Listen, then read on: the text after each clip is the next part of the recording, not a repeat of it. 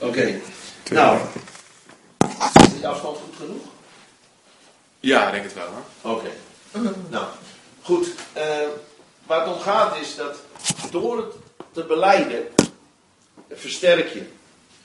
Hè, als het, op het moment dat mijn vrouw zegt, ja, ik ben mevrouw Dieleman, dan stabiliseert ze ons huwelijk en onze relatie.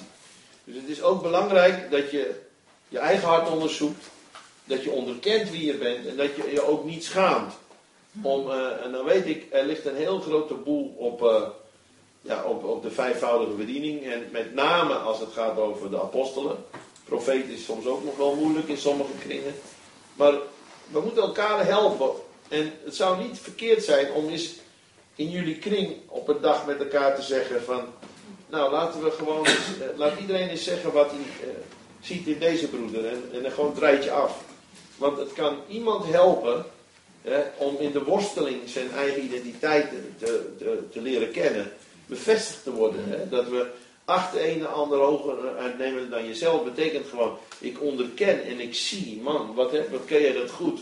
Je hebt gewoon die zalving, hè? die gaven rust op jou.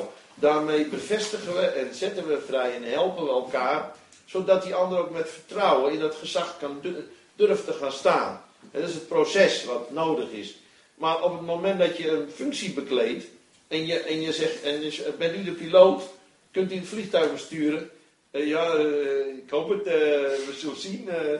ja, en ik, nou, ik- nou, ik durf maar geen piloot te noemen, maar eh, ik, best- ja, het is wel de bedoeling dat ik het vliegtuig bestuur.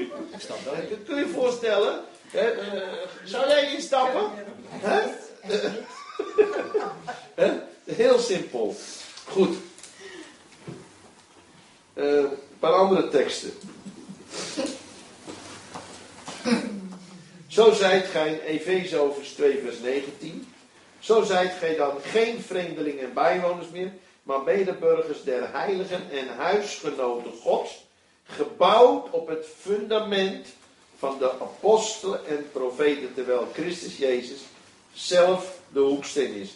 In hem was elk bouwwerk goed ineensluitend op tot een tempel, heilig in de Heer, in wie ook gij mede gebouwd wordt tot een woonstede Gods in de geest. Dit is architectentaal. Hè? Hier wordt gesproken over het fundament, over de hoeksteen, over het bouwwerk.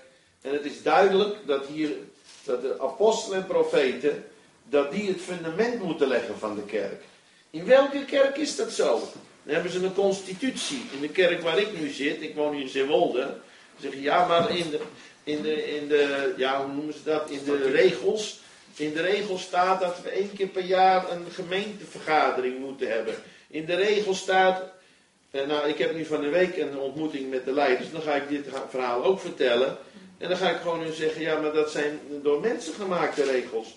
Zijn wij bereid om de grondwet te herzien en ons af te vragen of dit wel waar, wijs is? Oh, brengt het ons ergens dan? Brengt het ons waar God ons hebben wil? Bouwen we daarmee het huis zodat hij kan komen met zijn glorie? Want daar hebben we het over uiteindelijk. Ik geloof dat het net zo waar is in het Nieuwe Testament als in het Oude Testament. God heeft een plan. Je doet het volgens de blauwdruk. Als het klaar is, komt hij en neemt zijn intrek en woont daar met zijn glorie. Dat willen wij ook in het Nieuwe Testament. En dan is het duidelijk uit dit soort teksten dat daar een hiërarchie is van gezag. Niet van waarde, maar wel van gezag. En dan moeten wij dat ook proberen gestalte te geven in de manier waarop we leiding geven aan de gemeente. Eh, dat wil niet zeggen dat er geen oudsten mogen zijn. Want het is zo dat als je met name het boek Handelingen pas weer doorgelezen, dan staat er en de apostelen en de oudsten worden dan apart genoemd. Ik geloof, iemand kan een oudste zijn en een apostel, maar dat hoeft niet het geval te zijn. Iemand kan een oudste zijn zonder dat hij een apostel is. En iemand kan een apostel zijn zonder dat hij oudste is. Iemand kan zelfs apostel zijn zonder dat hij eh, uitvoerend gezag heeft in de lokale kerk. Ik weet, God heeft me geroepen als een apostel voor de kerk van Jezus Christus. Maar ik heb geen gezag in de lokale kerk van Zeewolde. Althans, geen uitvoerend gezag. Ik heb geestelijk gezag. Dat zal ik uitoefenen. En ik zal mijn wijsheid en mijn liefde en mijn toewijding en mijn verlangen gebruiken om op te bouwen. Maar als ze het niet erkennen, heb ik geen gezag om hen te dwingen. Ik heb alleen geestelijk gezag. Uh, een van de allermooiste voorbeelden in de menselijke geschiedenis van geestelijk gezag is Mahatma Gandhi. Uh, Nelson Mandela had ook buitengewoon veel geestelijk gezag, maar hij had ook politiek gezag. Hij werd president. Maar het unieke van, van Gandhi was, die man had geen enkele politiek gezag. Die had geen geld, die had geen huis. Die had alleen maar de overtuiging van zijn hart. En daarmee heeft hij India bevrijd van de Britse overheersing. Het ultieme gezag is geestelijk en niet positioneel. Maar het is ook goed dat als we zien dat iemand goddelijk gezag heeft, dat we hem ook de positie eh, durven te geven die past bij dat gezag. dat, dat lijkt me gewoon buitengewoon belangrijk voor het functioneren van iemand in dat gezag. Uh, het is pas echt beroerd wanneer iemand dat gezag kwijtraakt en dan nog in die positie blijft wandelen. Omdat zijn zalving is verdwenen. Dan moeten we ook de moed hebben om zo iemand buitenspel te zetten. En dat is soms moeilijk. En soms, uh, ja, als jij het niet doet, doet God het wel. Je ziet in het verhaal van koning Saul, uiteindelijk komt God er wel mee klaar. Maar we zien, we zien mensen die in de geest begonnen zijn. En prachtig zijn bouwen en uiteindelijk vallen voor verleidingen. En de zalving verdwijnt en er is geen geestelijk gezag meer. ze, ze, hebben nog wel de positie. Nou, eh, ik denk dat we moeten kijken hoe kunnen we die bij elkaar blijven houden. Als iemand eh, goddelijk gezag heeft om te functioneren in een bepaalde functie, dat we die ook dan durven te benoemen en ook durven te geven. Maar het is niet zo dat als jij kaartjes gaat drukken met daarop apostel, eh, worldwide ministry, most anointed, uh, reverend, uh, dokter, apostel, uh, overseer of the overseer, chief, commander, pope, vice, vice god, vice god. nou, Goed. nou, goed, het is duidelijk. En uh, kijk, wat Jezus zag je, hij, sprak met autoriteit. En dat was bij Jezus ook niet positioneel, want hij had geen Levitische positie in de tempel, maar hij droeg geestelijk gezag. En ik denk dat wij moeten erkennen wie draagt dat gezag in ons midden en dat we dat durven erkennen. Uh, ik geloof persoonlijk uh, dat is natuurlijk een beetje het poldermodel. Dan moet, moet, het allemaal met elkaar eens zijn en anders doen we niks. En dat is precies de reden waarom sommige kerken ook nergens naartoe gaan. Want ze worden het niet eens, dus wordt er ook niks beslist. He, dat lijkt onze regering wel een beetje. He, dus het is nu ook uit elkaar gevallen. We moeten consensus bereiken. Nou, wat ik geloof is dit. Uh, ik, ik geloof wel in een team spirit dat het zo moet werken dat je zegt als team van leiders wij erkennen dat Christian door God geroepen is. Hè? Ik noem even Christian in dit geval. En dat je, eh, ik, dat, dat noemen ze dan met een mooi woord, primus inter pares. De oudste onder gelijken. Jullie zijn gelijkwaardig, maar jullie erkennen allemaal dat hij is de captain of de generaal of de apostel of de, de, de voorman of hoe je dat dan ook wil benoemen. En dat je dat, dat je dat ook erkent gewoon. En dat je zegt van, oké, we overleggen met elkaar. En, uh, Christian is ook een man die dat doet, normaal gesproken. Maar soms moeten er knopen worden doorgehakt. En dan moet iemand het vertrouwen gegeven worden. En dat niet alleen maar in een crisissituatie. Dat vertrouwen moet hij eigenlijk al dragen. Om als captain te kunnen functioneren. Ik weet niet of je wel eens vliegt. Maar meestal, de hele vlucht hoor je die captain niet. Eh, op het moment dat je gaat vliegen, heb je eerst een stewardess, riemen vast en het hele verhaal van uh, veiligheid en zo. En dan ben je net uh, tien minuten in de lucht of zo en Goedenavond dames en heren, dit is uw kapitein uh, met een bemanning en de vlucht zoveel. We zijn zoveel uur onderweg en we verwachten over een paar uur een beetje turbulentie. En we hopen dat u een goede vlucht hebt. En ik wens u een goede vlucht en uh, ik spreek u later. En dan vervolgens ben je tien uur in de lucht. Je hoort die kapitein niet, je ziet die kapitein niet. Tenzij er ineens heftige turbulentie uit het nowhere is. Dan ineens weet die kapitein toch dat zijn plaats is. Dus je hoeft niet altijd je gezag per se te laten gelden. Als je dat constant wel moet doen, moet je afvragen of die kapitein een identiteitsprobleem heeft. Ja, ja. Ik hoor je even herinneren. Ja, ja, ja, ja, zo. Ik kan veel beter op een fluitje blazen. Ja, ik wil dat u weet dat ik de kapitein ben en ik dit vliegtuig bestuur. En eh, even een petje af voor mij, want eh, ik ben toch degene die hier de baas is aan boord. eh. Het is maar dat u het even weet, dames en heren. Ik ga nu terug, want ik dacht dat ik... Maar het- het kan best zijn, dus Heb je ook een automatische voorganger dan? Het automatische piloot. Dat is de Holy Ghost, denk ik dan. Eh. Maar ik, ik, kijk, ik, kom ook wel eens in kerken, dan vraag ik me soms wel eens af, eh, wie is hier de leider? Omdat het loopt gewoon lekker en die man hoeft zich zo nodig niet te manifesteren. Dus hoe, hoe, hoe beter het team elkaar eh, draagt en erkent in de, in de ja, respectievelijke functies, en zalving en posities, des te minder hoef je eh, ja, dat machtsspelletje per se eh, ja, gewoon te, te, te profileren. Dat is niet nodig. Maar als het nodig is, dan weet de kapitein dat het zijn tijd is om ja, gezag uit te oefenen en te zeggen: mensen allemaal de riemen vast en eh, doe je tafeltje, want we hebben turbulentie. En soms moet ook een voorganger dat ook doen. Ja, als je turbulentie hebt in de kerk.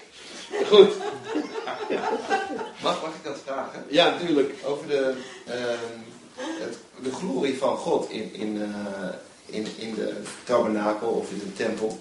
In Nieuw Testament wordt ook natuurlijk, eh, worden wij ook weerspiegeld als een tempel. En dat wij, eh wordt ook vaak gezegd dat de, de Gods, de vervulling met Gods geest, Ja, het vullen van de tempel is eigenlijk. Ehm, en dat we niet meer zo in die zin gefocust moeten zijn op de kerk en het wachten op de glorie, zeg maar. Eh, kun je daar wat over zeggen? Want er zijn natuurlijk meerdere eh leringen over. nou, ik denk dat die elkaar niet bijten. De, Mhm. Eh, laat ik dit erop zeggen. Wat waar is voor jou als individuele gelovige, is ook waar voor het collectief. Precies. Dus hoe meer jij ernaar jaagt om na- naar het bestek van God te bouwen in jouw privéleven, des te meer gezag zul je hebben om bij te dragen aan de collectieve glorie in het huis van God. Die twee die vullen elkaar aan, die bijten elkaar niet. Het is heel pijnlijk als iemand in zijn privéleven in de glorie wandelt en het leiderschap in de kerk niet en steeds maar niet. Ja, dan ga je steeds minder thuis voelen in die kerk. Want je proeft en dan eh, en zal het jouw intentie zijn, want eh, Paulus zegt, mij is geen gezag gegeven om af te breken, maar om op te bouwen. Het zal jouw verlangen zijn. Ik zie dingen bij de kerk, het zijn allemaal jongens uit de traditionele kerken van goede wil. En toch zie ik ook heel veel dingen waar ik me wel zorgen over maak.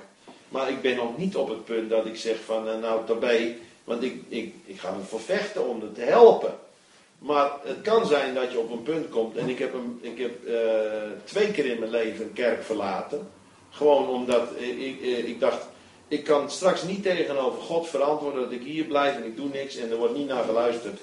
Ik ging niet rebelleren om eh, iedereen weg te jagen, maar ik ging zelf weg. Ik kon er niet meer mee verder. En eh, dat zijn hele moeilijke beslissingen, want eh, Mozes ging mee terug de woestijn in. En Jozef en Caleb ook. Het volk bleef toch bij elkaar. En zij leden 40 jaar in de woestijn door de rebellie van het volk. En wij moeten onze langmoedigheid wel oprekken. Dat we niet bij het minste of het geringste zeggen: joh, die heeft de geest niet nodig, bekijken het maar hoor. Oude wijnzak, ik ga naar een andere kerk. Dat gebeurt veel te vaak in ons land. Wij moeten eh, ervoor vechten. Huil je voor je voorganger, heb je hem, heb je hem onder tranen terecht gewezen dat je je zorgen maakt. Heb je, heb je moeite gedaan om hem te helpen te zien wat jij ziet? Heb je, heb je gezocht naar mogelijkheden om, om, om de glorie, die, ja, die, die, teruggebracht kan worden? Hè, de, de, de, tabernakel terug naar, naar de stad eh, enzovoorts. En ik geloof dat moet onze intentie zijn. Dus laten we het niet scheiden. Je kunt niet alleen maar drijven op de glorie van het huis, als je het niet zelf hebt. En andersom, je kunt nooit tot volle ontplooiing komen als het huis ook niet de glorie heeft en jij alleen. Dus ik, eh, ik geloof dat je die twee niet eh, expliciet moet scheiden. Want er zijn ook mensen die, eh, die, eh, ja, die drijven als het ware op de zegen van anderen mee. Terwijl ze het zelf niet hebben. En eh, ik heb ook gezien heel veel hoogmoed bij sommigen. Die, die, die, die komen dan onder de zalving van een leider. En dan gebeurt er onder hun handen ook geweldige dingen en wonderen. Maar ze drijven als het ware op de zalving van anderen. En dan is het zo van, nou, ik heb ook salving. Nou, bekijk het maar, ik begin mijn eigen kerk. En het wordt drie keer niks. Want uh, als ze zouden blijven, zouden ze daar uiteindelijk misschien terecht kunnen komen. Omdat ze groeien in gehoorzaamheid en verbondenheid.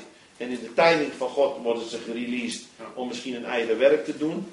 Maar iemand die voortijdig denkt, uh, dat heb ik niet nodig. Uh, terwijl die nog niet zelf een eigen zalving heeft ontwikkeld. En dat heeft toch weer met je privéleven te maken. Hoe intiem ben jij met God? En ik geloof, de bijdrage die jij levert in de kerk, kun je nooit loszien van je eigen intimiteit met God. Daar moeten we over waken, dat we daar zelf ook aan werken. Want er zijn natuurlijk genoeg criticasters die, uh, die uh, ik vind en uh, mijn mening en ik denk en, en, en, en, zelf leven ze helemaal niet met God. Welk recht van spreken hebben deze mensen? En spreken ze vanuit de intimiteit met God of is het puur ja, democratisch geklets?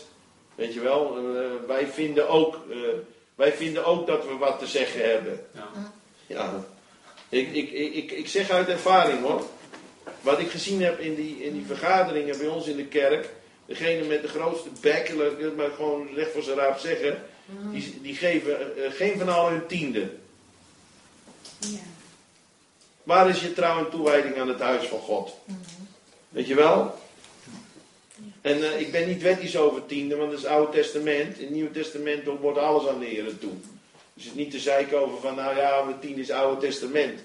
Als, wij, als, als, als we zeggen, dit is onze kerk, dit is mijn kerk. Dan wil je bouwen aan de kerk. En dan geef je ook. En dan help je mee. En, eh, net liep door het gebouw, zei Christian. Ja, het zou het toch fijn vinden, nou, dit is het toch niet, wel een eigen gebouw. Dat is een heel legitiem verlangen. Dat je, het, fijn dat je de bioscoop mag gebruiken, maar het is ook maar een pijpenlaadje eigenlijk. En een, een echte werkvloer voor ministry heb je niet. Het is niet ideaal. Godzijdank dat jullie mogen gebruiken, daar gaat het niet om.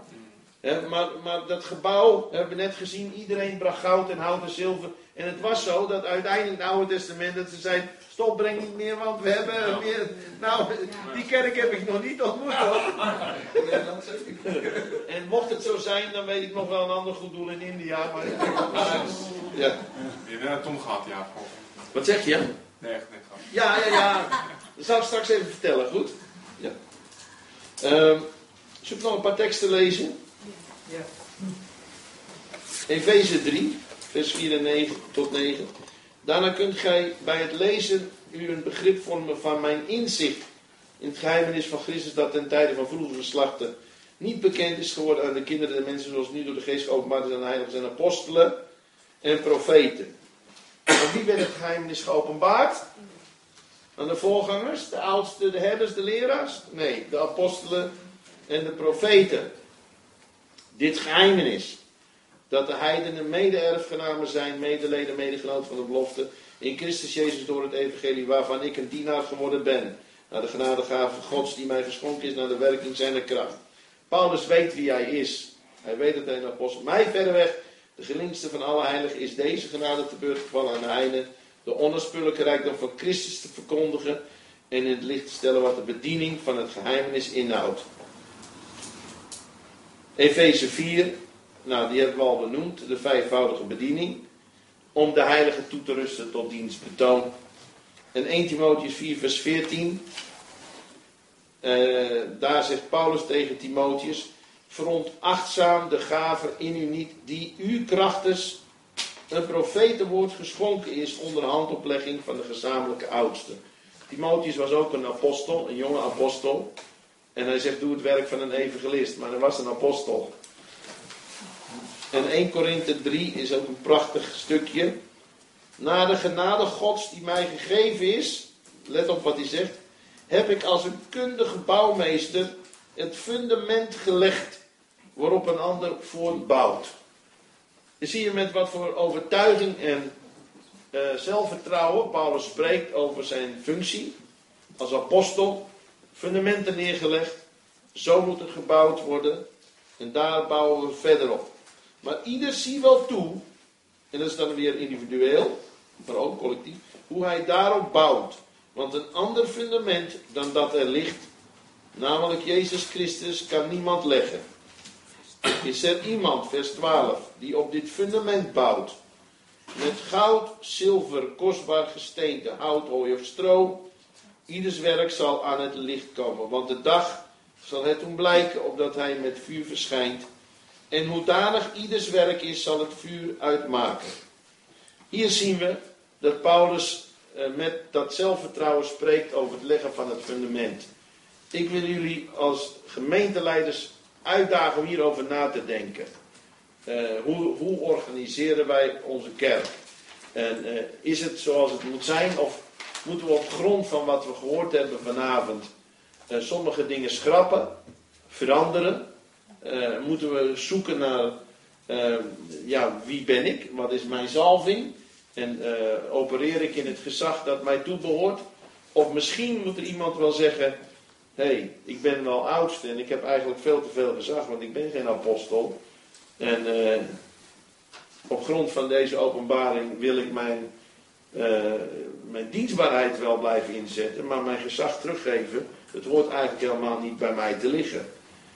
En uh, je ziet, zolang als er eigen belangen hierin zijn, wordt het heel moeilijk, want dan, ja, je ziet meestal willen leiders wel aan de macht komen, maar als het eenmaal aan de macht zijn, willen ze niet meer prijsgeven. Dat zijn alle conflicten in derde wereldlanden van leiders die niet willen opstappen, terwijl het al lang met hun gezag gedaan is. Ja. ja.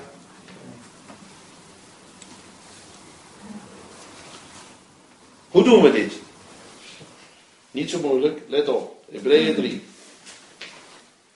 Daarom, heilige broeders en ook zusters, deelgenoten der hemelse roeping Richt uw oog op de apostel en hoge priester van onze beleidenis.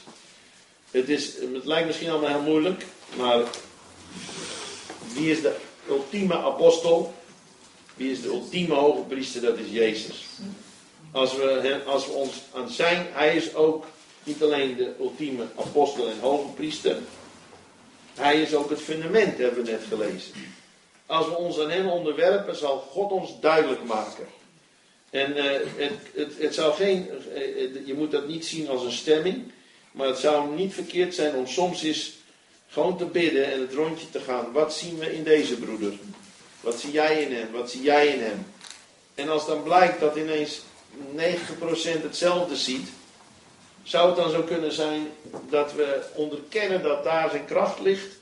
Onderkent hij dat zelf ook? En heeft hij ook het gezag dat hoort bij dat functioneren? Eh, eh, of moet er iets veranderd worden? En daar hebben we elkaar voor nodig. Zeker in het begin, want je weet soms niet wie je zelf bent. Ja, wat ben ik nou? Uh, wat is nou mijn roeping? Hè, dat weet je in het begin niet. En daarom acht de ene de ander uitnemender dan zichzelf. Het helpt wanneer anderen ook jouw kwaliteiten onderkennen en durven uit te spreken. En laten we niet vergeten dat profetische zalving ook kan helpen, want vaak zien we dat in profetie, ook vooral door soms buitenstaanders die helemaal niks weten, vaak bedieningen keer op keer worden onderstreept en bevestigd. En dan moeten we ook dat profetisch woord, hè, want het zijn de tweede in gezag, ook durven te accepteren, om dan iemand ook in dat gezag vrij te zetten, zodat we gaan beantwoorden aan de blauwdruk van God, zodat zijn glorie kan komen, want daar draait het natuurlijk allemaal om. Onze apostel en hoge priester, onze. Jezus die getrouw is jegens hem die hem heeft aangesteld. En let op wat hier staat. Evenals ook Mozes getrouw was in geheel zijn huis. Want hij is zoveel grotere heerlijkheid dan Mozes. We hebben het verhaal van Mozes net genoemd. Hier wordt eigenlijk verwezen naar de bouw in het Oude Testament. Uh, wat we net als blauwdruk genoemd hebben. Die, uh, staat er, want hij is zoveel grotere heerlijkheid dan Mozes waren gekeurd als de bouwmeester hoger eer geniet dan het huis. Want elk huis wordt door iemand gebouwd, maar de bouwmeester van alles is God. Nu was Mozes wel getrouw in geheel zijn huis als dienaar om te getuigen van hetgeen gesproken zou worden. Maar Christus als zoon over zijn huis. En zijn huis zijn wij, indien wij de vrijmoedigheid en de hoop waarin wij roemen, tot het einde onverwrikt vasthouden. That's it. Halleluja. Ja. Er is nog één ding wat ik met jullie wil delen. Uh, dat heeft dan vooral betrekking op de apostolische leiders, denk ik. En dat is wat ik drie gebieden noem van verantwoordelijkheid voor leiderschap in de kerk. Dit heb ik niet van mezelf. Uh, is een, uh, een trainingsschool van John Hagee. Dat is niet, dat, is niet kleine gedrongen mannetje, die Hagee, dat is een andere Hagee. Maar jaren geleden was ik in Afrika en las ik een boek over, eigenlijk neemt die Haggai, Haggai Institute. En ik las daar een boek en dat sprak me aan en toen heb ik gevraagd of ik er een kon krijgen. Maar eigenlijk deden ze dat niet, want het was voor allemaal derde wereldleiders. Maar omdat ik daar in een brief om gevraagd had, hebben ze mij dat boek gestuurd van Anthony de Suissa. En dat gaat over leiderschap in de kerk. En het was zo'n revelation, dit uh, onderwijs. En uh, ja, we hebben hier ook wel een blackboard, maar ik kan het ook wel, misschien wel zo vertellen. Maar uh, hij zegt, er zijn drie. Zal ik even de blackboard gebruiken, misschien kan het anders zijn. Er zijn drie gebieden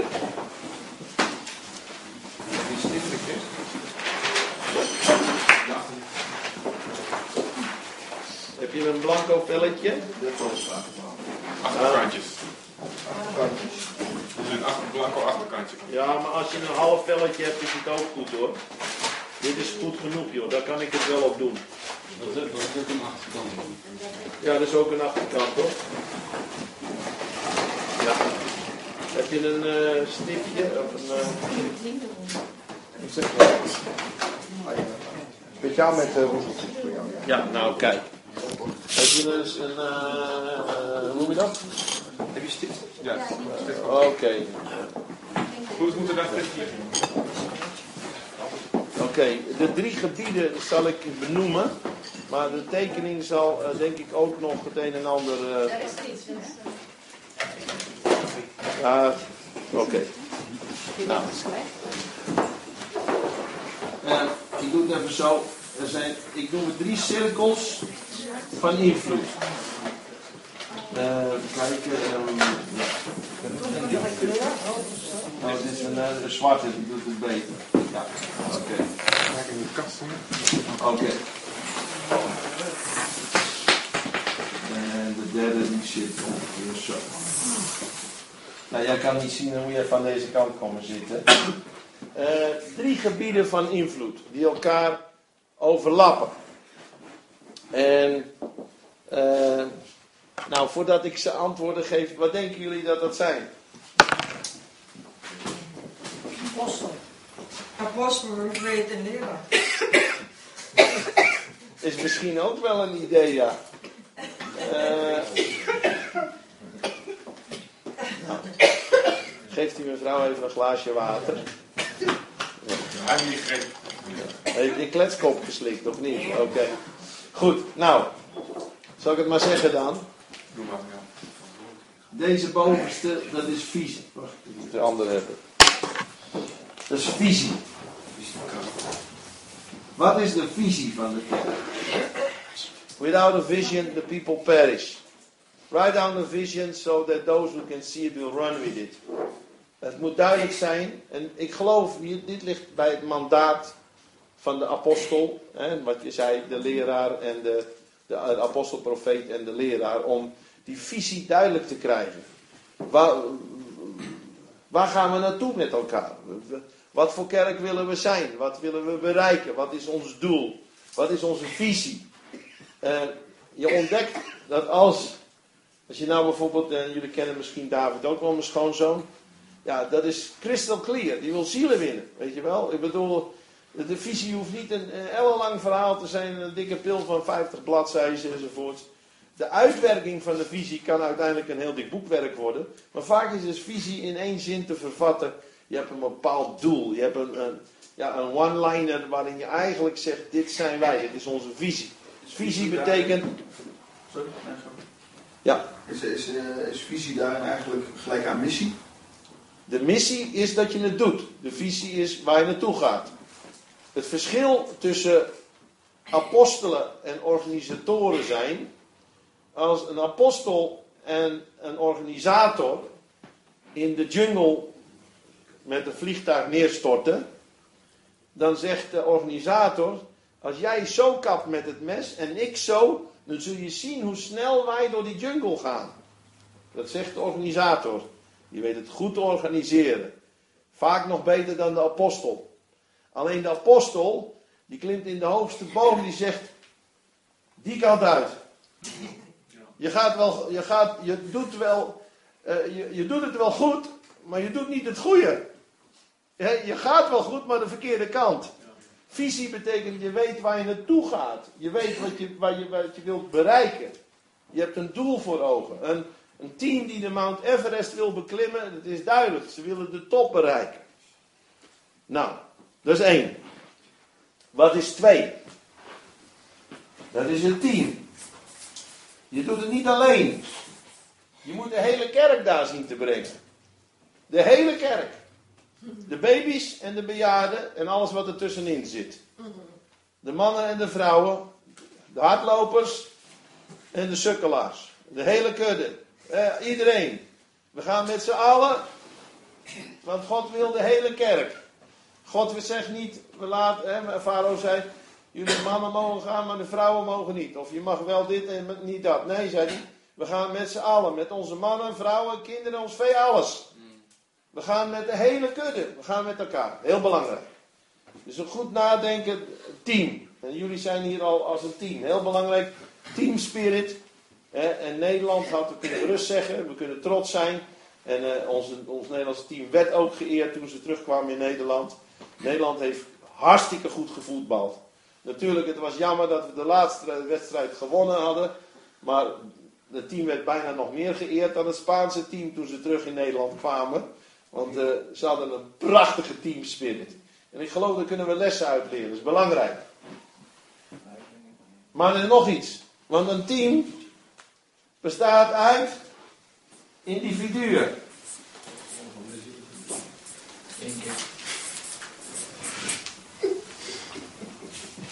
Iedereen moet de juiste plek in het team. Als je verdedigers in de spits zet en spits in de verdediging, loop je kans dat je verliest. Want je hebt de juiste man niet op de juiste plaats. Heel belangrijk. Ontdekken. Als je een beer van een vent hebt, die gewend is om uh, zware ijzeren staven te tillen elke dag in de bouw. En je zet hem in een duf kantoortje achter een computer. En het eind van de dag heeft die man een hoofdpijn. En is helemaal gefrustreerd. Maar als je die secretaresse op het bouwterrein met ijzeren staven laat lopen, mag je die s'avonds ook naar het ziekenhuis brengen. De juiste man op de juiste plaats. En dat is een geweldige uitdaging. En ik geloof dat het belangrijk is, want je hebt katalysators. Je hebt mensen die goed zijn in de interactie tussen het team en de visie. Je hebt ook mensen die zijn goed in de interactie tussen het individu en het team. En je hebt ook mensen die goed zijn, die zijn goed om de visie en het individu te versterken. Alle drie belangrijk. Want als je het individu niet respecteert, komt het team niet goed bij elkaar, dan kun je ook je doel niet bereiken. Als je alleen maar op je doel gefocust bent, en je neemt maar aan dat iedereen het maar moet snappen enzovoorts, krijg je mensen niet mee. En het is belangrijk, weet je, toen Jacob terugkwam, toen zei Esau, uh, trek met mij mee. Nee, ik heb mijn eigen tempo, want ik heb zwangere koeien en zwangere vrouwen en zwangere...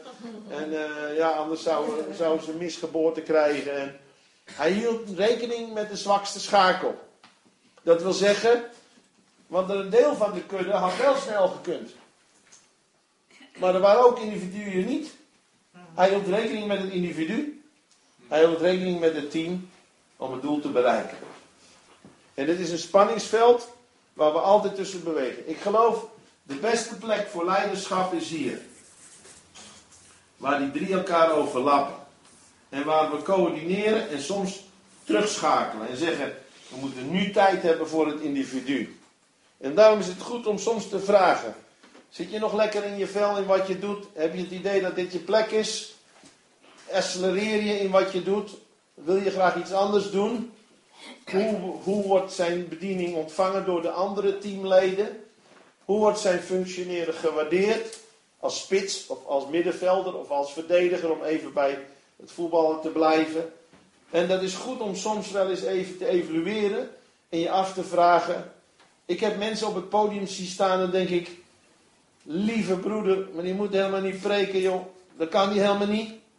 Maar ja, hij is altijd trouw en dan geeft ze tien en dan komt al jaren in de kerk en eh, ja, je kan hem ook niet voor zijn hoofd stoten. Ja, dat is die, dat is die lieve man die niet kan tanden behandelen, maar hij doet het wel. Of het is die lieve man die de vliegtuig wil besturen, maar kan het niet.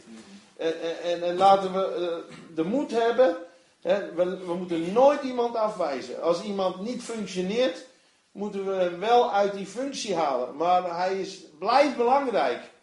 En dan moet je zeggen, we gaan zoeken wat de beste plek is voor jou. Want jij hebt ook een plek. Elke steen in het bouwwerk van God heeft een functie. Niemand is onbelangrijk. Jouw waarde hangt niet af van je positie. Je waarde is incentriek. Met andere woorden, je bent altijd evenveel waard. Of je wel of niet op het podium staat en wel of niet een bepaalde functie binnen de kerk uitoefent. Als je mensen opjaagt om je visie te bereiken, denk aan een team die de Himalaya beklimt. Die zijn met touw aan elkaar verbonden. Wat is het voordeel daarvan? Als ineens iemand in een ondergraaf, eh, want soms is een bovenlaag dichtgesneeuwd en is er een, uh, zo'n gap. Als iemand in dat gat dondert, dan gaat hij niet verloren. Want ze zijn met touwen aan elkaar verbonden en ze kunnen hem eruit trekken. Daarom wil God ook niet dat je alleen gaat. Daarom wil God dat we als team optrekken. En, en dat we samen het doel bereiken. Nou, dus die, dit, dit, is het, dit is een mechanisme waar je over na moet denken. En eh, soms reflecteren van, soms moeten we even de visie laten rusten om aan de teamspirit te werken. En soms als we merken dat er hier veel spanning is, moet je misschien met mensen alleen spreken van, zit je wel goed in je vel? Ben je wel op de plek waar je hoort te zitten? Of is een andere plek voor jou beter geschikt? En door daar gewoon open met elkaar over te praten. En dat betekent ook, want als iemand zichzelf niet kent en hij wordt ontheven van een functie, dan moet hij beseffen dat we hem niet afwijzen als mens. Maar we willen hem beschermen tegen zichzelf en tegen het brengen van schade, omdat hij eigenlijk opereert in iets wat hij misschien nog niet kan, en misschien ook niet voor bestemd is. Maar als je nooit dingen probeert, weet je het niet. Ik heb ook aanbidding geleid, lieve mensen. Ik stond de sop in mijn schoenen. En de kraaien vielen van het dak. En ik denk, nou, dit doe ik niet meer. Dus dat doe ik nu ook niet meer. Ik, eh, ik, ben nog wel een aanbidder en ik ben blij dat de Bijbel zegt: maak een blij geluid voor de Heer. En dat doe ik ook. Het is niet mooi, maar wel blij. En ik ben daar helemaal tevreden mee en ik ben er ook niet meer gefrustreerd over. Maar ik geniet ervan als ik mensen zie met de zalving van aanbidding, hè, die daar ook de kar kunnen trekken. Ik, was, ik zei tegen Christian: man, ik wist niet dat je zo, toen op de battle uh, deed hij ook een paar keer uh, de aanbidding leiden. Ik was helemaal verbouwereerd. Ik denk Man, wat kan jij dat goed, joh. Ik heb hem ook gezegd, hè. Gewoon de waardering, want ik zag ook echt een geweldige aanbiddingsalving op zijn leven. Ik zeg niet dat dat de enige of de prominente salving is, maar hij is ook begaafd om dat te doen. Nou, dan moet je mij beter niet vragen, want er wordt helemaal niks. laat mij nou maar doen wat ik doe en ik, ik, ik, ik sta nu in mijn salving. En dat zeg ik met vertrouwen. En dat weten jullie ook, want jullie worden hier erop gebouwd. En, en dat is belangrijk dat je dat weet van jezelf. Want hoe met meer vertrouwen je erin kunt staan, des te makkelijker kan de zegen van God er doorheen stromen. Om dat te bewerken wat hij wil. Ja. Nou, een paar voorbeelden in de Bijbel die uh, dit illustreren. Dat is belangrijk. Is bijvoorbeeld uh, koning Saul. Die uh, zit onder de moerbijboom, geloof ik, of wat is het? En uh, die zit daar te bibberen van de Filistijnen, weet je wel. En dan, uh, nou ja, die zit daar te wachten van wat moeten we nou doen. En dan zegt hij, vervloekt is een ieder die eet. Let op wat hij zegt, hè. Je moet het maar nazoeken, het is ergens in de koningen. Voordat ik mij op mijn vijanden heb gewroken. Dat zegt hij. Over, over, over teamspirit gesproken. Helemaal niet dus. Ik, mij, mijn. vijanden hebt gewroken.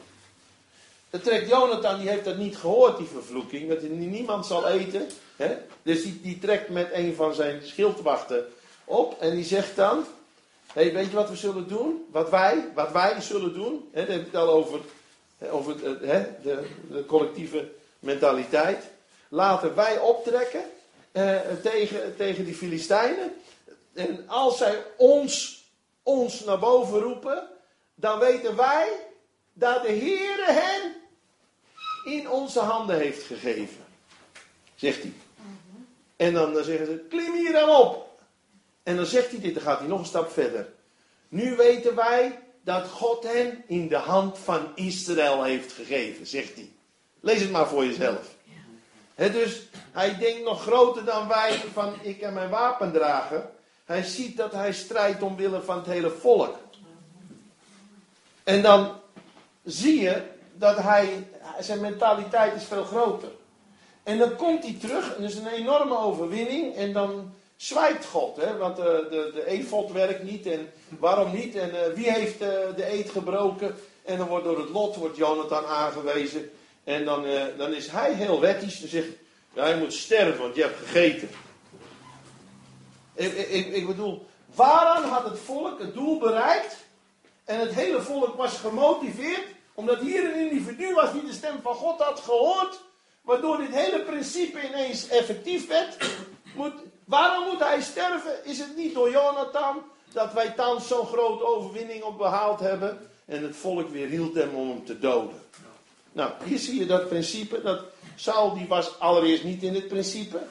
Ik, mij en mijn. Als jij denkt als leider, het is mijn strijd, dan moet je niet gek opkijken dat je geen medestanders hebt. Want je hebt mensen niet betrokken. Je, het is jouw individuele strijd. Je moet mensen deelgenoot maken van de strijd, maar ook van ook wij hebben gewonnen. Weet je wel? Wij hebben gewonnen. Niet ik heb gewonnen.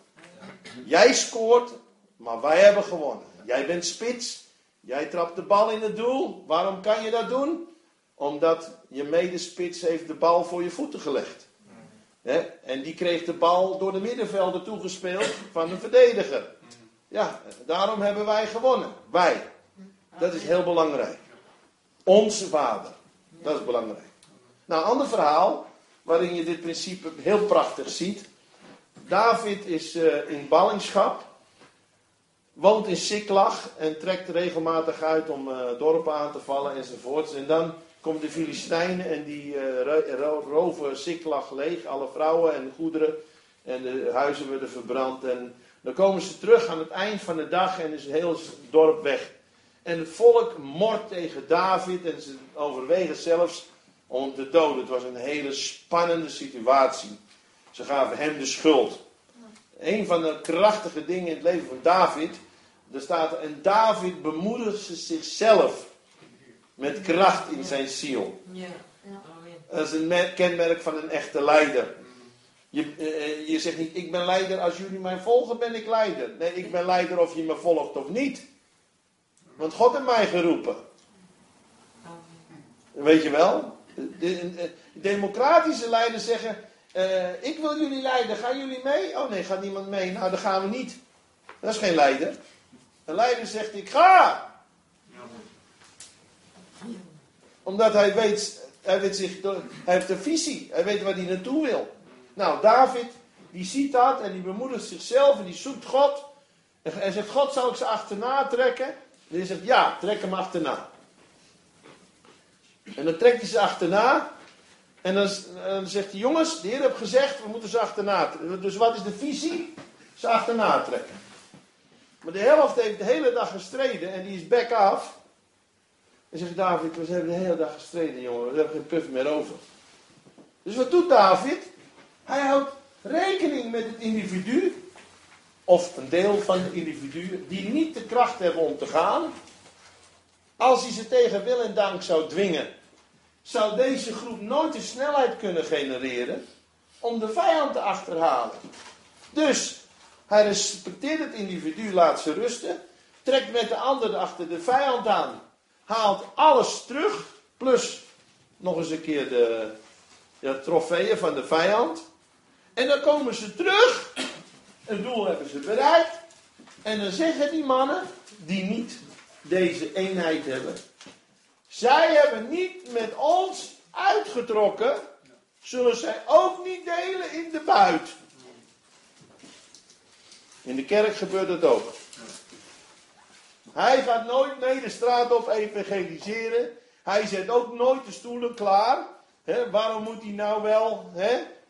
Omdat we een eenheid zijn. En dat zegt David.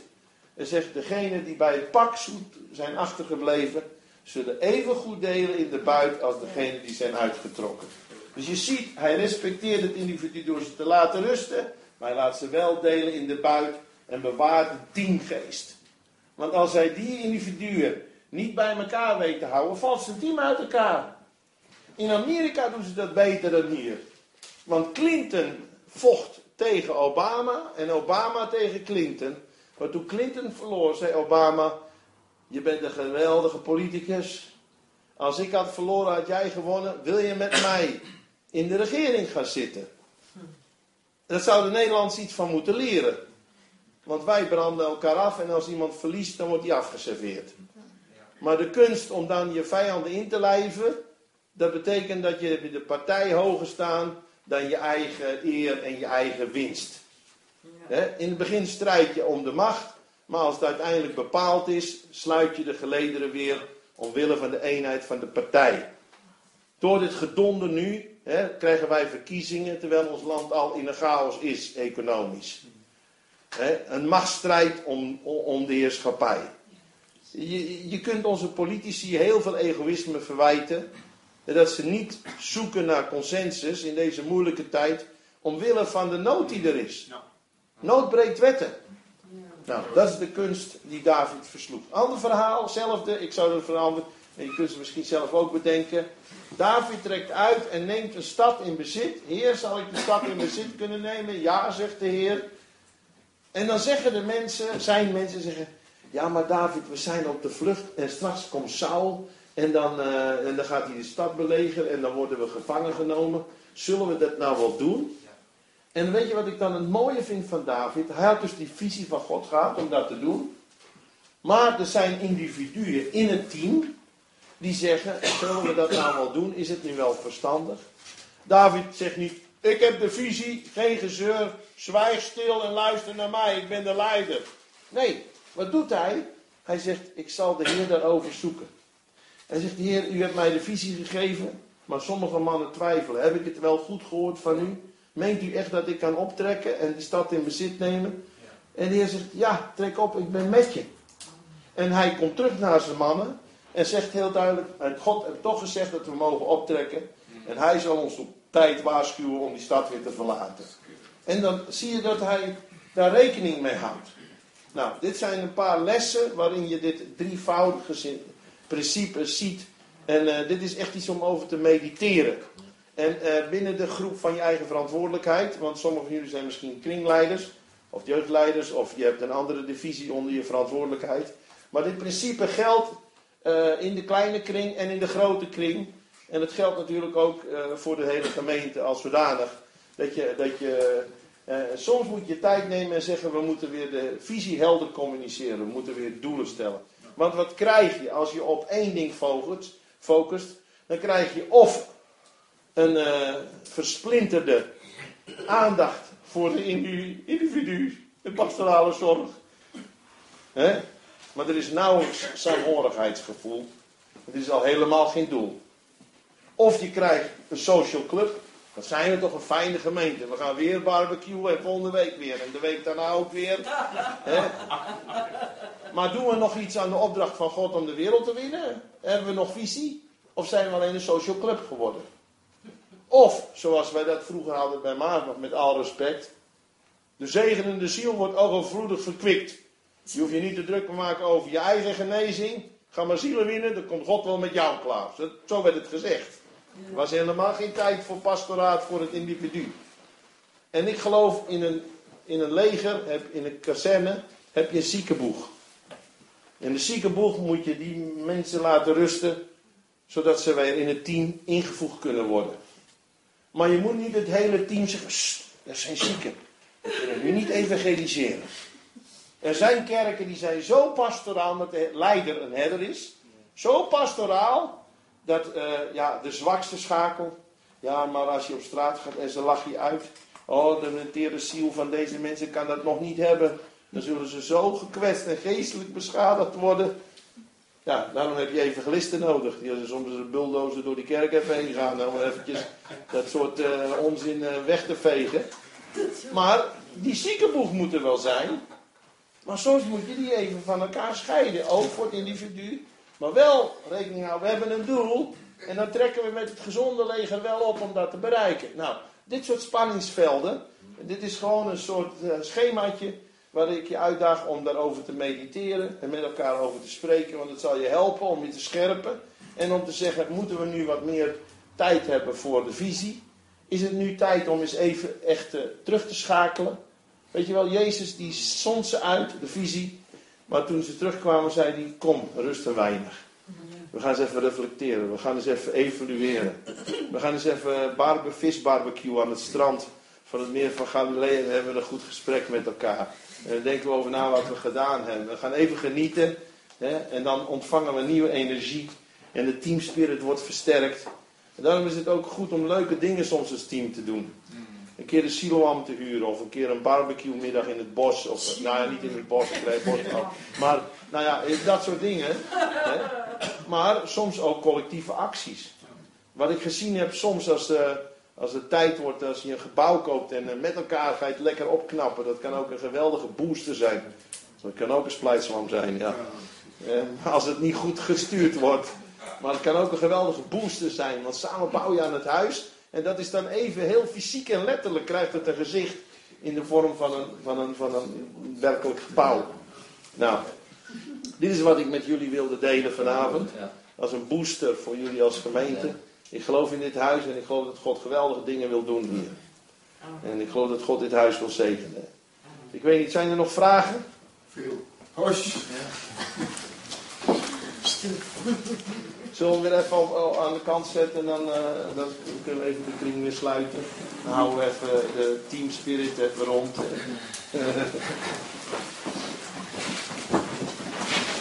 Oké, okay. dankjewel. Wat kost het boek? Uh, voor jou 50 euro per stuk. Nee. 15 euro.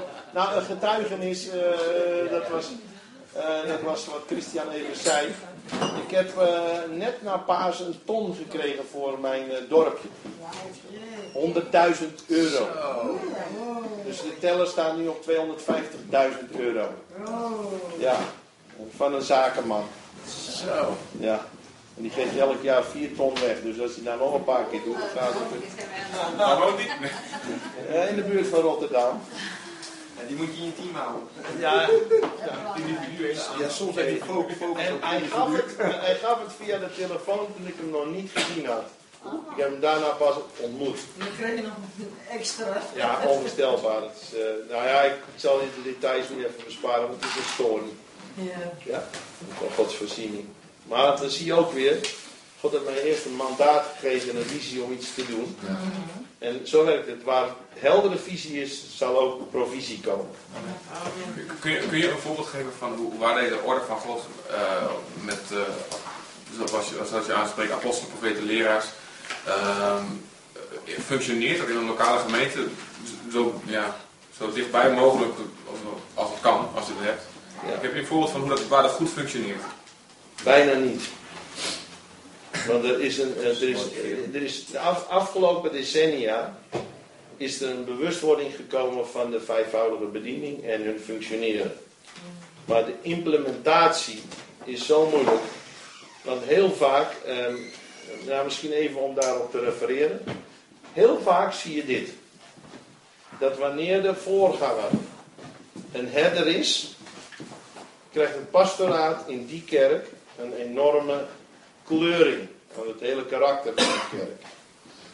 Is de voorganger, of nou, ik gebruik het woord voorganger voor de eerste leider in de kerk, nu even, hè, om die terminologie niet te verwarren.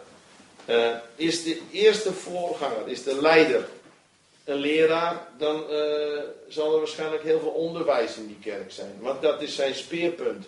Dus zo denkt hij. De mensen moeten het woord begrijpen, weet je wel. Dus hij zal veel bijbelstudie eh, in zijn programma, want zo denkt hij. Is de eerste voorganger een profeet? Ja, dan, eh, dan zal het profetische, vaste, bidden, God zoeken, strijden, geesten en eh, hemelse gewesten en we moeten meer bidden. En is de voorganger een evangelist, dan krijg je elke zondag op je donder dat je zielen moet winnen. Anders gaat de hele stad naar de hel en waarom doen jullie niks? Stoelen warmers, weet je wel. Ja. Nou, en daarom geloof ik een apostel, en daarom is even dit zo belangrijk. De apostel heeft affiniteit, hè, net zoals de duim, kan makkelijk met allemaal goed functioneren. Ik weet nog goed, want voordat ik optimaal begon te opereren in wat ik nu doe, ik merkte, want dat is ook wel een apostel, is een soort uh, all-in man. Want je kan ergens gaan, je kan evangeliseren, fundamenten leggen, lesgeven, profiteren en, uh, en behedderen. Waarom? Je, maar je moet het niet eindeloos blijven doen, want dan maak je eigen werk weer kapot. Een apostel is, is vaak een starter die iets van de grond kan tillen en tijdelijk in alles kan functioneren. En toen dat bij mij begon te gebeuren, ja, ben ik nou een leraar, ik kan best wel lesgeven. Ja, ik profiteer soms ook heel scherp. Ja, nou, ik, en ja, kan met mensen meehuilen, ik kan ook echt bemoedigen.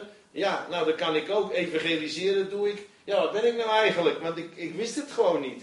Maar later begon ik te zien, dat is typisch voor een apostel. Want een apostel is een gezondene die gewoon een nieuw werk kan starten. En daarom is het zo belangrijk als een volwassen apostel, die, als die dan de eerste is, die heeft namelijk het vermogen om te zien, jij bent een leraar en jij bent een die kan daar goed. Maar deze kunnen onderling niet altijd even. Wel naast elkaar, maar onderling niet met elkaar. Naast elkaar functioneren ze goed. Maar ze kunnen dit niet doen. Dat kan de duim wel. Nou, en daarom geloof ik dat de apostel de eerste moet zijn. Omdat hij van nature veel makkelijker het totale overzicht ziet. En de noodzaak om nu ook eens wat meer tijd aan pastorale zorg te verlenen, of aan evangelisatie, of aan het profetische. En daarom is het zo belangrijk dat we erkennen wie de apostel is, en die ook het hoogste gezag toekennen. Het punt is alleen, als die voorganger ja, van nature bijvoorbeeld een herder is, hè, dus, en, en herders en evangelisten kunnen het ook soms heel slecht met elkaar vinden. Want die herder die wil zijn schaapjes alleen maar beschermen. Weet je wel. En die evangelist die zegt, eruit en de wereld winnen. Ja, als die evangelist geweest is, dan kan die voorganger weer de rotzooi opruimen, weet je wel. Die evangelist is die, die met de bezem door de kerk gegaan. Nou, heel veel spanning. Maar ik geloof dat de apostel bij uitstek daar bovenuit gaat. En de noodzaak van de balans tussen die alle het beste kan zien. En dat hij daarom ook uh, de eerste in gezag zou moeten zijn. Maar het probleem is, als de eerste man een herder, een leraar of wat dan ook is, is hij bereid om te erkennen dat hij niet volgens het Bijbelse blauwdruk niet de eerste zou moeten zijn. En bereid om terug te treden en te zeggen: Nu zie ik, ik ben geen apostel. Ik ben een leraar en daar ben ik goed in. Uh, kom en help ons. En ik zeg niet dat een leraar geen voorganger kan zijn. Maar dan moet hij bijna zichzelf overstijgen en te zeggen: Oké, we hebben een apostel van buitenaf die op ons inspreekt en ons helpt om de balans te bewaren. Van, van nature, dat heb je weer die vijf in het restaurant. De herder zal zeggen, meisje heb je je bezeerd. De profeet zal zeggen, ik zag het al aankomen, weet je wel. De leraar zal zeggen, zo moet je het niet doen. Nou, maar als je voorganger een leraar is die zegt, zo moet je het niet doen en zo moet je het doen. En je hoort elke zondag een preek hoe je het moet doen. Of je leraar is, of de voorganger is een evangelist en elke zondag hoor je een bekeringsboodschap, maar je bent al 14 jaar geleden tot bekering gekomen. En je denkt, ja, wanneer horen we nou eens iets anders? Weet je wel? En die heeft weer moeite met uh, andere bedieningen, want ja, hij is een evangelist en uh, dat is zijn harteklop. Maar de apostel heeft het hele pakket en heeft van nature ja, dat bouwmeestergave zeg maar, van God om, om daarin de prominente rol te spelen. Dus dat, die erkenning moet er dan komen om het ook vrij te zetten. Nou, ik denk op dit moment de plek waar dat het beste functioneert, eh, voor zover als ik iets kan overzien, wereldwijd.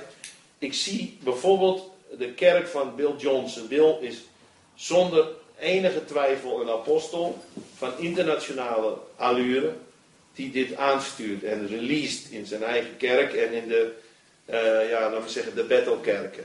Ik ben geweest in Bali bij eh, broeder Arifin, is een apostel, is ook een architect van beroep. En deze man heeft een visie om duizend kerken te stichten. De man heeft onvoorstelbaar van wijsheid, is zachtmoedig, is liefdevol. Maar je hebt ook natuurlijk eh, verschillende karakters met apostelen. Hij is denk ik het minst evangelist, dus dat is niet zijn sterkste kant. Dus eh, laten we ook niet een apostel zo steriel maken dat hij van alles evenveel heeft. Je hebt apostelen die meer evangelistisch zijn. Je hebt apostelen die iets meer uh, herderlijk zijn. Je hebt apostelen die ook meer leraar zijn. Maar uh, wat hij bovenal heeft, is het overstijgen van zijn eigen bediening en het totaal te kunnen zien. En daarin ook ja, leidinggevende rol te kunnen hebben om dat nou, zeg maar te faciliteren. Dat dat ook allemaal tot zijn recht komt en dat het geheel. ongetwijfeld zal je dit herkennen als ik dit zeg. als je de aanbidders als voorganger alle ruimte geeft, dan blijven ze 2,5 uur achter elkaar aanbidden, want dat is het liefste wat ze doen. Ja, en, dat, en, en, en dan moet je soms ook terugfluiten, want je wil ook dat er tijd voor het woord is. En je houdt er rekening mee dat er ook kleine kinderen zijn die je zo lang niet uh, ja, daar maar in die crash kunt laten zitten. En ik weet, in Vlissingen hadden we een geweldig uh, worship team. Maar uh, ja, als voorganger moet je dan zeggen van hé, hey, en dan krijg jij soms het etiket dat jij niet geestelijk bent. Nee, nee, wacht eens even. Jij overziet het geheel. en je neemt verantwoording dat er balans is. Dat, is het er. En uh, wat ik zie gebeuren, wat ik ontzettend mooi vind. Uh, ik spreek af en toe bij uh, Daniel Renger. En dat is zeg maar de kerk van Jan Sjoerd Pastenkamp in, in Rotterdam. Daar hebben ze ook een nieuwe school, de Christ Formation. Ja, ik zie daar een ontwikkeling, dat is echt waanzinnig goed. Dat is, ik zie daar een apostolische ontwikkeling die, die, ik, die ik gewoon fantastisch vind. Ik geef nu ook les op die school en ik vind het heerlijk om te doen. En uh, ze zien ook gewoon dat ik een vaderlijke zalving heb om dat te releasen. Mm-hmm. daar, en dat is fantastisch. En uh, dat is een van de kerken waarvan ik denk, wauw, die, die wandelen hierin. En uh, nou, er is geen kerk volmaakt. Wat ik bij Matthäus zie, hè, natuurlijk vlakbij. Matthäus is eigenlijk meer een evangelist dan een apostel. En, uh, maar hij is, hij is ook apostolisch. Want hij zet heel veel in gang. Maar hij is meer evangelist dan apostel. En Lodewijk van Weerde is ook een man met geweldig apostolische gaven. Als je ziet hoe hij die kerk structuur gebracht heeft in die kerk daar in het noorden, echt fantastisch. Maar is meer leraar dan, uh, dan, dan evangelist. Is, is, is sterke leraargaven. Maar qua structuur heeft hij juist weer Matthäus kunnen helpen. Omdat ja, hij denkt heel strategisch, hij is heel georganiseerd en doet dat fantastisch. Martin Kornestra, ja, dat is eigenlijk een evangelist. Mm Ik zeg niet dat hij niet apostolisch is, maar dat is, ik zie eigenlijk meer een evangelist. David, mijn schoonzoon, evangelist. Dat is geen, dat is geen apostel. Maar wel een kaliber evangelist, dat is een Reinhard Bonken kaliber, joh. Mm dat is gewoon een olifant, die gaat als, als een kanon. Het is fantastisch om te zien. Maar er zijn weinig kerken in ons land. En er zijn er nog te veel die in het oude stramien wandelen. En uh, ja, die willen dit ook niet horen, want het zou wel eens je positie kunnen kosten. En wat ik heel. Uh, ik was pas in Nepal en dat deed me echt verdriet dat ik dacht: hoe stom kun je zijn? Uh, nou, wat gebeurde? Nepal heeft na Brazilië de meeste waterproductie van de wereld. Uh, Brazilië heeft de Amazone, de grootste rivier van de wereld, hè, de breedste rivier, ook denk de langste, weet ik niet. Maar in ieder geval de breedste rivier, de meeste waterverplaatsing. Tweede is Nepal. Want daar zijn de zeven hoogste bergen van de wereld in één land. Hè. De, iedereen kent natuurlijk wel de Himalayas en de Mount Everest, maar de zeven hoogste bergen zijn allemaal in Nepal. En dat water stroomt vrijelijk in Tibet en in India. In India hebben ze uh, uh, elektriciteitsgenerators. En Nepal moet die stroom hartstikke duur terugkopen. van India, terwijl het van hun bergen afkomt. Dus wat heeft China in zijn ontwikkeling? Die heeft gezegd tegen Nepal: wij willen de grootste elektrogenerator, eh, eh, water generator bouwen van de wereld. En eh, die kan ik weet niet hoeveel miljoenen kilowatts eh, produceren. Die kan stroom leveren aan, eh, aan eh, Tibet en China, dus eigen belang. Maar ook aan eh, Nepal zelf. En zelfs stroom verkopen aan India. En dat zal geweldig zijn voor jullie economie. Maar het kost 300 miljard euro. En wij zijn bereid om het te investeren. En een terugbetalingsplan in de vorm van gratis stroom en een betalingsregeling. Dat gaat niet door. Waarom gaat het niet door? De oppositiepartij die zegt, als wij daarmee instemmen, dan krijgt onze huidige regering alle eer voor de zegen die in het land komt en dan komen wij nooit meer aan de macht. En het, het, het is, het, het is zo pijnlijk dat ik denk, waar, eenheid is zo belangrijk. En eh, als ik daar nog iets zou mogen aanvullen, en dat is wat ik prachtig vind in Jonathan. Jonathan was de eerste die het koningschap van David onderkende. Terwijl hij de kroonpresident was. Hij droeg, hij droeg een kleed als een generaal. Hij was de oudste zoon en hij nam profetisch zijn schild, zijn zwaard, zijn eh, gordel en zijn mantel. En, en eigenlijk hij bekleedde, hij, hij deed een profetische daad. Hij- eigenlijk wat er staat is letterlijk wat er staat over Jezus. He stripped himself of his royal attributes. Net als Jezus zijn, zijn, goddelijkheid heeft afgelegd en mens geworden. En we hebben de geest van Jonathan in de kerk nodig. Dat ik kan zeggen, jij hebt meer salving als ik. Als ik naar David kijk en zeg heel eerlijk, ik sta in de schaduw van David, mijn schoonzoon. Ik heb gedroomd die dingen te doen en ik heb ze nooit gedaan. En God heeft me uiteindelijk in een apostolische bediening geroepen. En niet in die evangelistische bediening dat ik dacht altijd dat het mijn roeping was. Maar ik heb er wel altijd van gedroomd en ik zie het hem doen. En ik heb met mijn oude vlees geworsteld, want er kwam ook jaloezie soms bij mij naar boven. En ik dacht, ben je nou helemaal een sodemieter? Je moet er trots op zijn, het is je schoonzoon man. En, in hem, en ik bid voor hem en ik zegen hem en ik geloof in hem. En ik ondersteun hem. En ik wil de geest van Jonathan hebben. Kom nou, ik ga, ik ga geen speren gooien. Maar als we niet onze identiteit in Christus vinden, en dan krijgen we dit en dan komt Gods plan nooit uit de verf. Maar als we de geest van Jonathan hebben, dan zullen we het beste in anderen erkennen. En als het moet, geven we onze mantel weg. En in dat klimaat kan God heus wel ons op de plek brengen waar hij ons hebben wil. Binnen de gemeente. Je zei, ehm, als dus een ehm, voorganger bijvoorbeeld de bediening heeft van leraar zijn, en hij is voorganger, laat hem dan een apostel roepen om de dingen op zijn plaats te zetten. Zou hij, als, als die eh, voorganger dat ziet, dat wat hij zelf is, zou hij dan zelf niet bijvoorbeeld een profeet kunnen laten spreken en dan een evangelist en dan...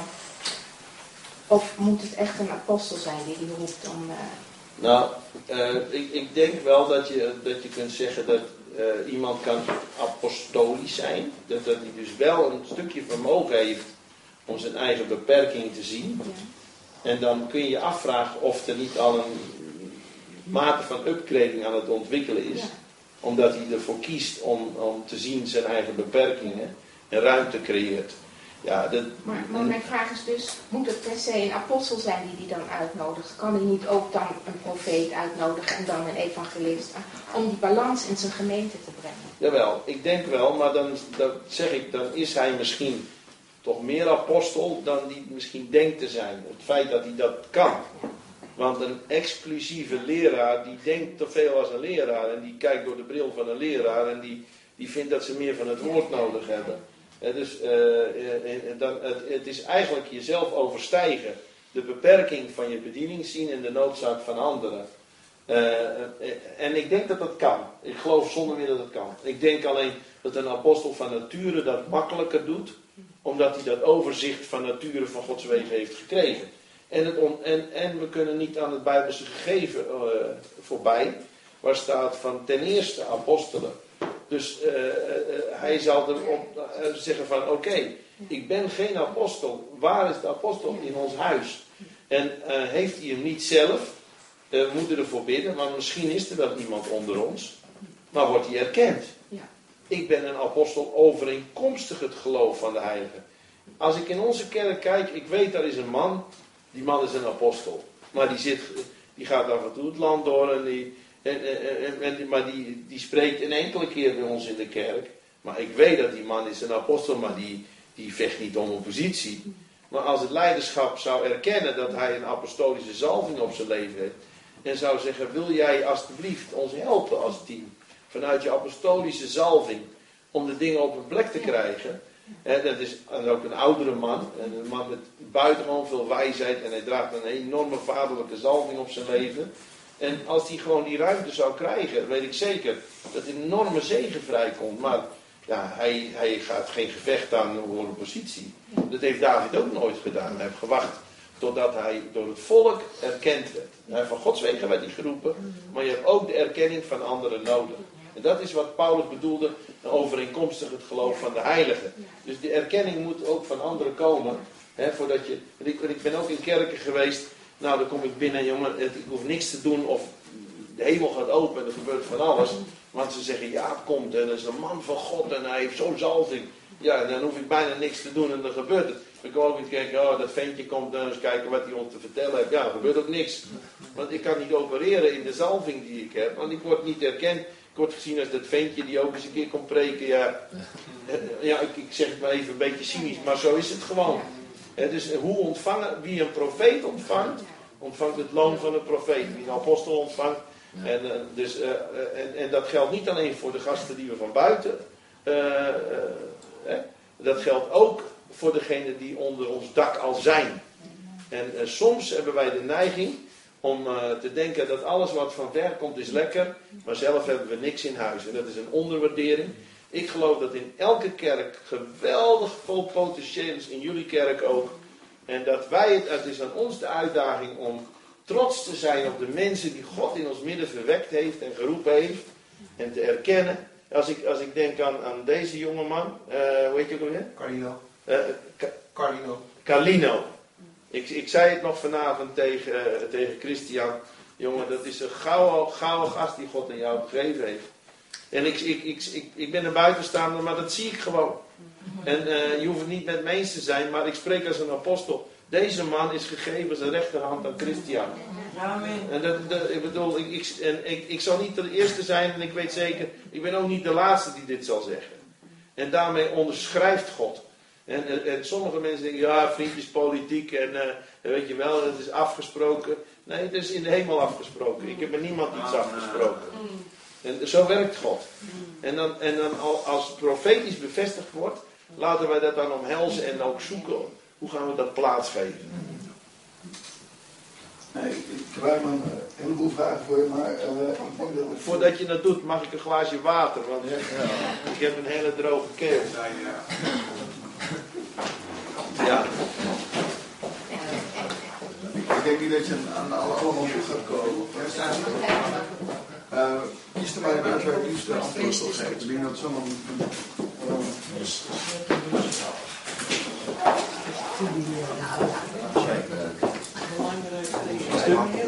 Ja, dat is wel een kleintje.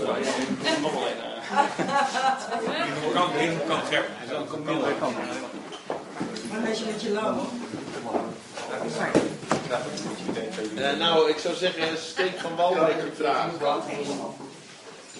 nou, bedankt voor je, voor je verhaal. Ik denk dat heel veel van waarde wel echt herkennen. Um, een van de vragen, of eigenlijk eerst een opmerking, sprak van een weekend een, een voorganger die, die ook met deze vraag bezig was. En die had de laatste tijd erg veel gehad aan het nieuwe boek van Ellen Hirsch. Die naam toevallig zegt. Nee. Uh, man die veel over missionaire. En bij MDNA zit ook een, een, nieuwe vorm van gaafdessen op grond van apostolische en evangelisten en bijvoudig bedienen.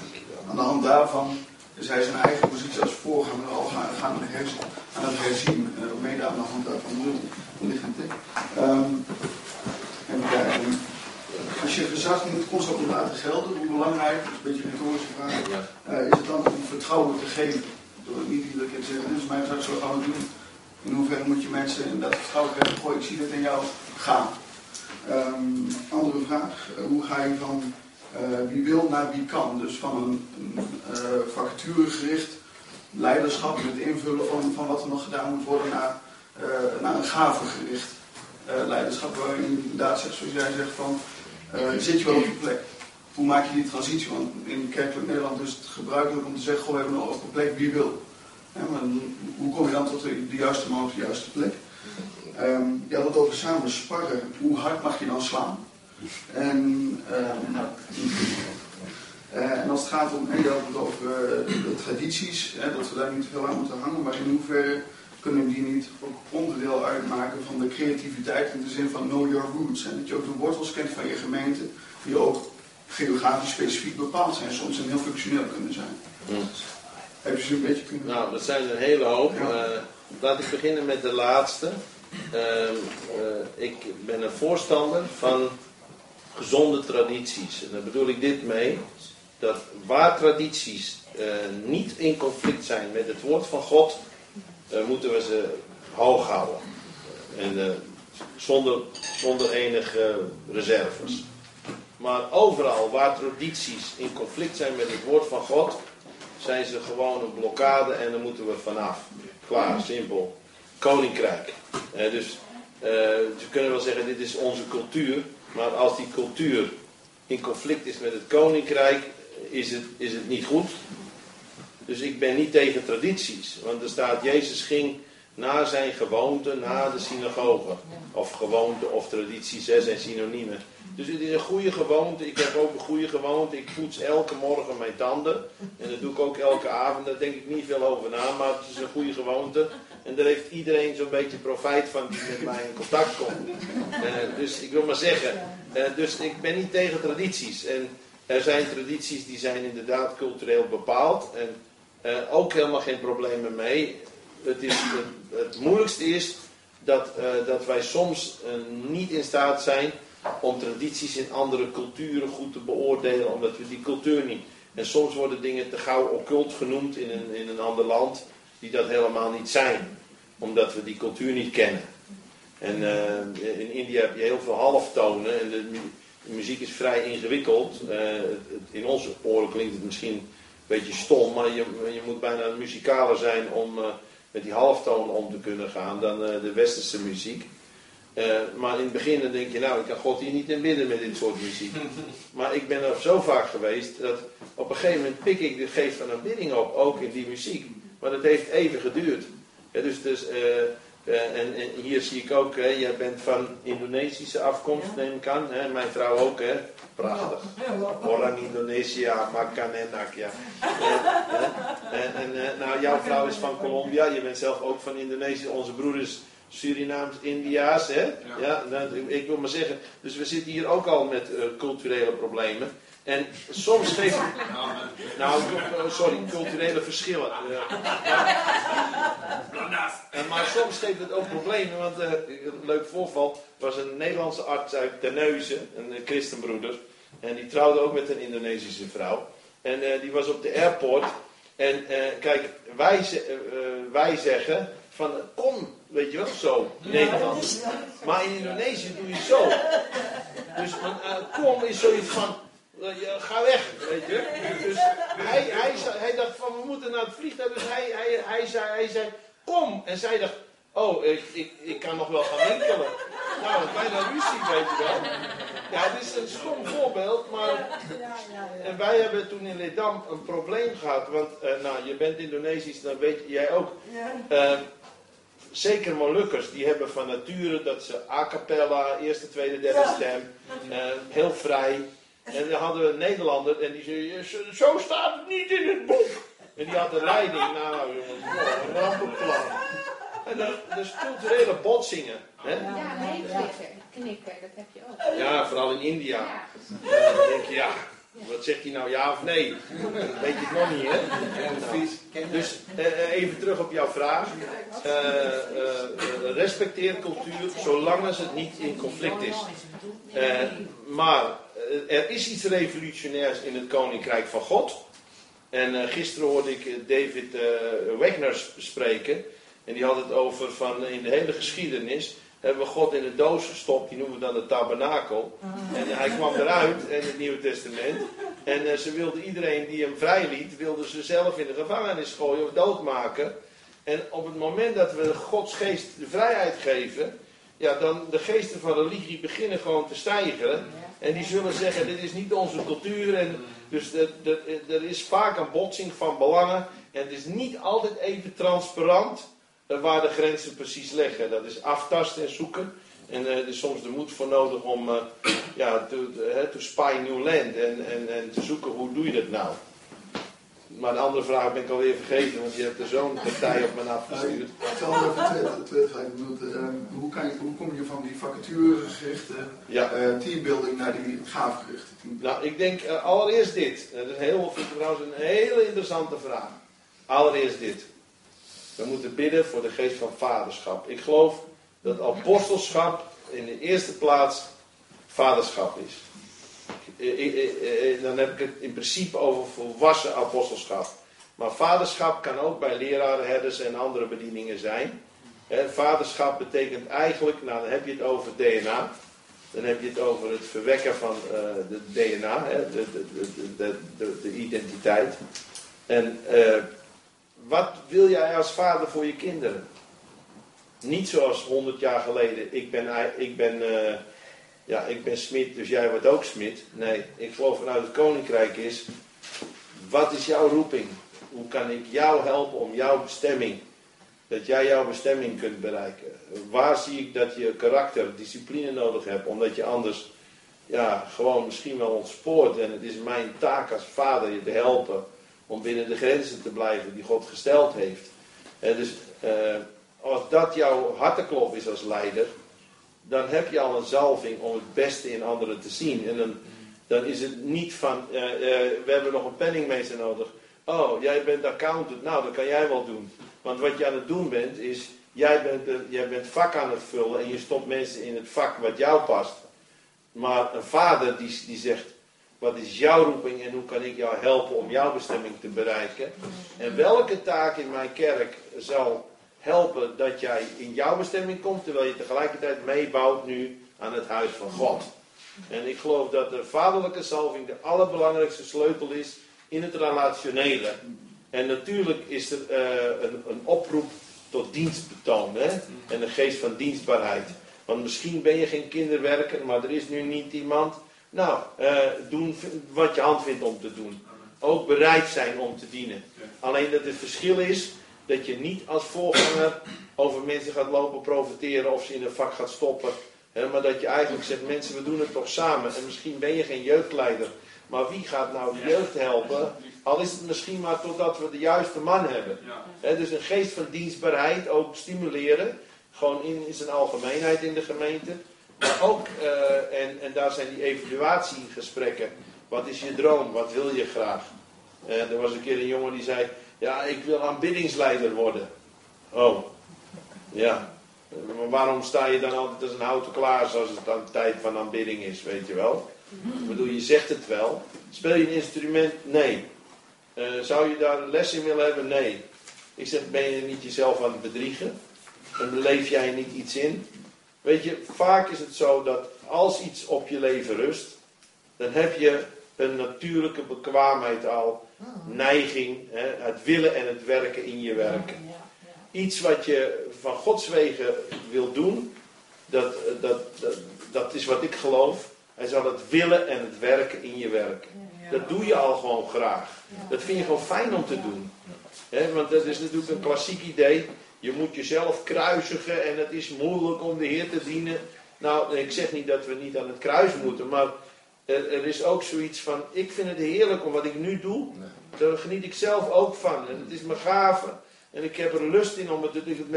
En ik zou het ook heel eh, hypocriet vinden om van jullie te verwachten dat je geniet van wat ik hier doe, terwijl ik er zelf niet van geniet. Ja, dus ik vind het fijn om het te doen. En dat draag ik met me mee. En dat maakt het ook eh, plezant. Hè? En dat maakt het ook aangenaam om het te doen. En, en zo werkt het ook vaak. En nou, we hebben elkaar nodig om daarin elkaar te helpen. eh, dat ook te ontdekken van waar je goed in bent. En elkaar daar ruimte in te geven. Dus dat is mijn insteek veel meer dan alleen maar vacature. Maar wat je wel kunt doen als er vacatures zijn, om het zo maar eens te zeggen. Dat je gewoon zegt, mensen, er zijn allerlei taken die gedaan moeten worden. eh, wie, wie eh, denkt dat hij daarvoor geroepen is en wil daar eh, iets in betekenen? Want dan, dan respecteer je ook iemand, iemand die zelf dan reageert. Maar dan nog moet je kijken van, is het wel echt op je lijf geschreven? Kun het wel? En eh, ik vind het ook geweldig. Ik heb ook gezien in situaties waar iemand de jeugd leidde die het eigenlijk niet had. En het gewoon trouw bleef doen. En, en ook gewoon heel eh, zonder enig probleem opzij stapte toen er iemand opstond eh, die echt van Gods wegen de zalving had om het over te nemen. En zei van nou ik ben blij, ik heb het gedaan met liefde. En ik vind het fijn dat er nou iemand gekomen is. Nou dat moet onze gezindheid zijn. Hè? Dat we erkennen, hij heeft meer zalving, ik draag het graag aan hem over. Maar je ziet soms dat als mensen hun identiteit in de Heer niet hebben. En dan worden ze ineens oudste of eh, een of andere taak. Dan gaan ze ineens rechtop lopen alsof ze iemand zijn. Je bent al lang iemand. Zonder die taak ben je ook al lang iemand. Doe niet zo opgeblazen, joh. Eh, je bent een kind van God. Je bent de zoon van de Allerhoogste. Of je nou wel of geen taak uitoefent in de kerk. Eh, dus eh, dat is vaak het moeilijke. Maar goed, we leren het met vallen en opstaan.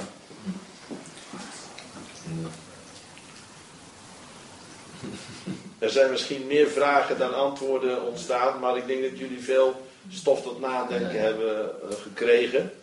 En eh, ja, het, het zou goed zijn dat jullie dat later nog eens evalueren met elkaar. En, eh, en zoeken van ja, waarin moeten we veranderen of wat herken je dat al gezond is. Hè, dat je dat ook onderschrijft met elkaar.